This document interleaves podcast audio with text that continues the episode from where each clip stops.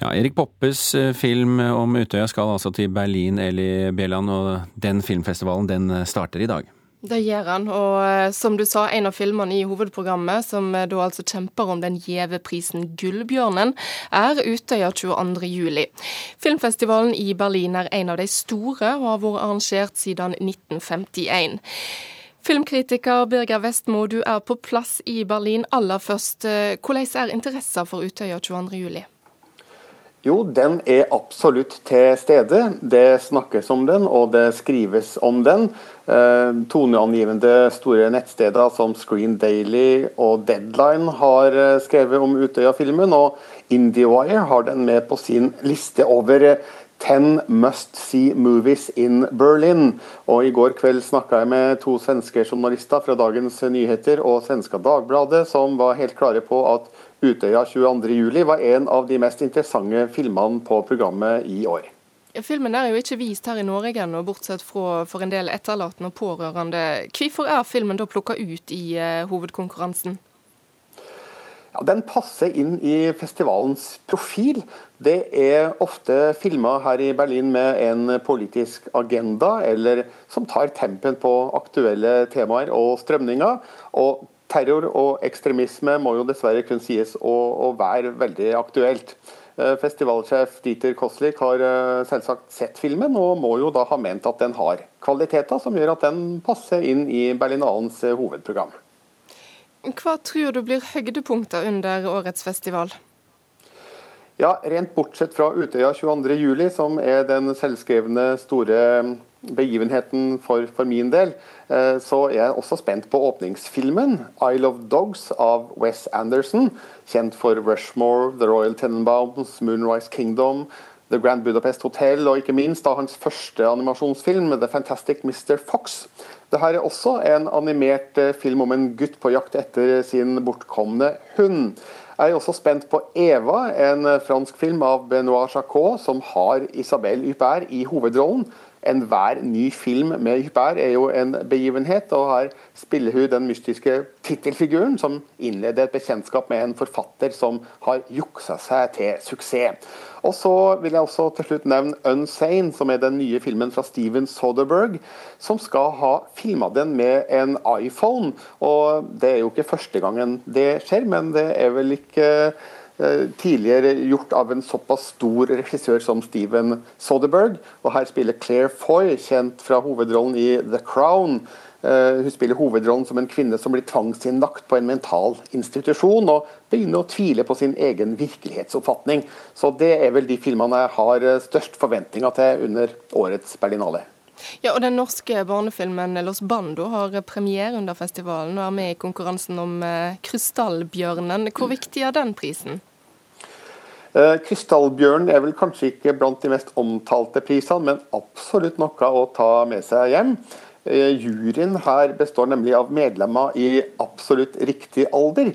For det er elleve barn og sju tenåringer som skal bestemme hvem som vinner Krystallbjørnen og eh, Det er også en internasjonal jury som skal gi noen flere priser i dette programmet, som eh, bl.a. består av Sanna Lenken, som vant Krystallbjørn i 2015 for sin svenske film 'Min lille søster'. Så vi kan jo bare håpe at hun ser med litt ekstra blide øyne på eh, det norske bidraget, altså Los Bando. Helt til slutt, Hvordan vurderer du sjansene til de norske filmene? Det er jo selvfølgelig helt umulig å si, siden ingen har sett noen av filmene i programmet.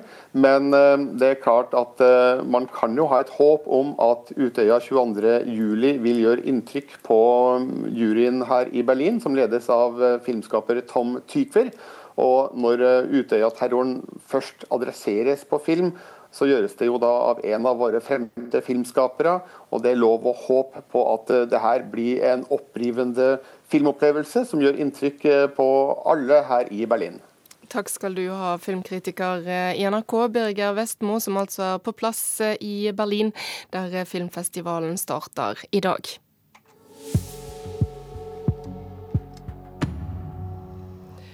Halvparten av norske mediebrukere mener de får dekt sitt nyhetsbehov gratis på nettet. Det viser en ny undersøking fra Mediebedriftenes Landsforening.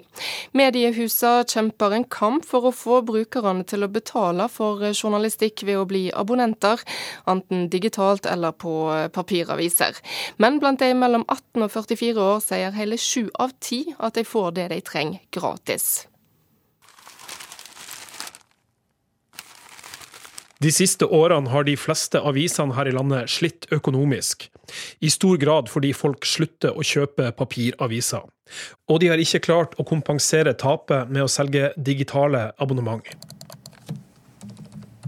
Mediebedriftenes Landsforening har for første gang undersøkt hvor stor viljen er til å betale for nyheter. Den gode nyheten er at sju av ti sier at de abonnerer på enten ei nettavis, ei papiravis eller et magasin. Men den dårlige nyheten er at framtidas mediebrukere, altså de yngste, bruker minst penger på nyheter. Årsaken er først og fremst at de får de gratis på nettet. Ja, Det er jo en utfordring for mediebedriftene eh, det å rekruttere de, de, unge abonnentene. Sier markedsanalytiker Bente Håvimb hos Mediebedriftenes Landsforening. Hun omtaler de som ikke har noen form for abonnement som gratispassasjerer, og det dreier seg da gjerne om unge menn. Denne gruppa bruker i mindre grad et variert utvalg av kilder til nyheter, f.eks. Eh, og de oppsøker sjeldnere nyheter aktivt. De stoler i mindre grad på nyheter i norske aviser.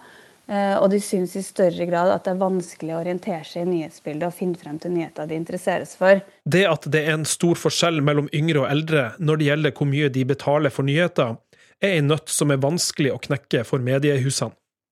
Jens Barland, som er medieforsker ved NTNU, sier at mediene må tenke nytt. De er en generasjon som virkelig er vant til å få masse gratis av digitalt innhold. De må bli vant til at hvis de betaler, de får noe mer. Pluss at de kanskje også må få frem et budskap om at hvis de er med og betaler for dette, så blir det også en bedre journalistikk i samfunnet, som til syvende og sist skaper et bedre samfunn. Men han sier samtidig at de unge i dag er vant til å betale ekstra for å få kvalitet. Mediehusene som selger digitale abonnementer, de har nok eh, mye å takke Netflix og Spotify for.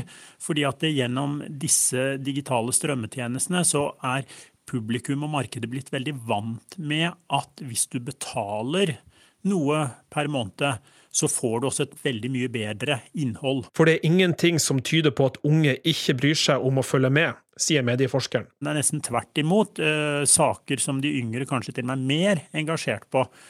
Eh, dette handler nok mer om at slik vi ser medieøkonomien fungerer nå, så følger det logikken til de som er godt voksne og det å få til nye abonnementsformer som treffer logikken hos de yngre brukerne. Ni av ti av de som ikke har abonnement, sier i undersøkelsen at det er usannsynlig at de vil komme til å abonnere på ei avis i løpet av de neste tolv månedene. Likevel er ansvarlig redaktør Gard Steiro i VG optimist. Vi tror at betalingsviljen for nyheter kommer til å øke. Men det det handler om, det er å lage relevante tilbud eh, til de yngste. Så vi har en jobb å gjøre, tror vi, før dette tilbudet er så godt at veldig mange vil betale for det. Så tror jeg de aller fleste aviser, i hvert fall de jeg kjenner til, opplevde en økning i fjor, sånn at pilene peker her i riktig retning. Reportere var Oddvin Aune. Vi skal eh, kjapt til OL i Pyeongchang. Det blir nok et gull til eh, Norge eh, i dag. Ragnhild Haga har nett gått over mål med klar leding. Altså det er kvinnenes ti kilometer langrenn. Det er ennå ikke klart om det også blir norsk bronse, men trolig det. Nett nå så deler Marit Bjørgen og finske Krista Permekorski bronsemedaljen. Vi skal eh, nå se nærmere på selvbiografien til Mikael Persbrandt. Han vokste opp med alenemor i stockholmsforstaden Jakobsberg, og ble en av de mest ettertrakta skuespillerne i Sverige. Kjent også her til lands for roller som Gunvald i krimserien Beck, mange teaterroller som kjæresten til skuespillerkollega Maria Bonnevie, men også for en lang rekke med skandaler. Nå er hans memoarer her, 'Sånn som jeg husker det', heter den. Og den har du lest, bokmelder i NRK, Knut Hoem. Hvordan ser livet til Persbrandt ut mellom to permer? Jo, her er det jo veldig lite sport, men desto mer eh, doping. Eh, Persbrandt framstår som en slags tikkende bombe, der det er bare et spørsmål når den vil gå av. Og han ramler jo ned i sin dypeste krise eh, da han står på scenen sammen med nettopp Maria Bonnevie i et stykke av Strindberg. Men før dette så ser vi han jo som barn, og vi ser han som ung yndling som eh, Eh, begynner med billedkunst og dans, og som skal prøve ut en hel drøss med mannsroller, ikke minst eh, på scenen. Eh, før han da ender opp som bipolar, og med et ønske om å fortelle den åpne og ærlige historien om livet sitt for sine barn. Ja, og så er det mange som har fått tildelt biroller i boka. Hvordan omtaler han mennesker rundt seg? Jo, det er sikkert mange, spesielt i Sverige, som syns det er flaut at han forteller at eh, de har vært med han på nachspiel, men nok en gang så er kanskje sannheten bedre enn eh, fortielse. Trollet sprekker som kjent når det kommer ut i dagen. Denne boken gjør først vondt når Maria Bonnevie kommer inn i historien, for da begynner jo den der eh, utagerende livsstilen hans å gå utover henne. Og hun Men han sier at han elsket henne da, at han elsker henne fortsatt, og han mener også at hun fortsatt elsker han. Men er det noen andre som kommer til orde? Får han noe motbør? Nei da, dette er en konsert for ett instrument. Eh, det er en solokonsert. Eh, det er ikke så mye pro og kontra her, men eh, det er Man kunne selvfølgelig ønske seg å høre andres versjon, men samtidig, litteraturen er ikke noe rettferdig og mye. Denne boken lever jo av at vi nettopp får hans personlige historie. Så har han skaffet seg en dyktig dirigent, nemlig forfatteren Karl Johan Valgren, som har skrevet boken sammen med han. Det har gjort at den havna helt der oppe for meg, sammen med selvbiografien til Miles Davis eh, og Zlatans eh, selvbiografi. Den er en meget god bok i sjangeren. Ja, og Dette er en bok som eh, sikkert mange i det svenske kulturlivet både gleder og gruer seg over. Men hva har hun å tilby en norsk leser? Det er også en unik teaterhistorie. Hva er egentlig skuespillerkunst? Altså Det er tross alt verdensdramatikk han driver med på, på, scenen der på Dramaten, kombinert med at, med at han blir heist opp i bjørnekostyme av Hobbiten-regissør Peter Jackson på New Zealand. Hva er en god regissør for noe? Persbrandt har eh, svaret. Så fortellingene til Per Sprant det er god underholdning, med andre ord? Ja, så vil jeg kanskje sette nedre aldersgrense på 16 år. Dette er memoarer i ordets egentlige forstand. Det er god underholdning. Så er spørsmålet om det er god kunst. Det er jeg litt usikker på. Litt usikker på hvor lenge denne kommer til å dirre og klinge i meg.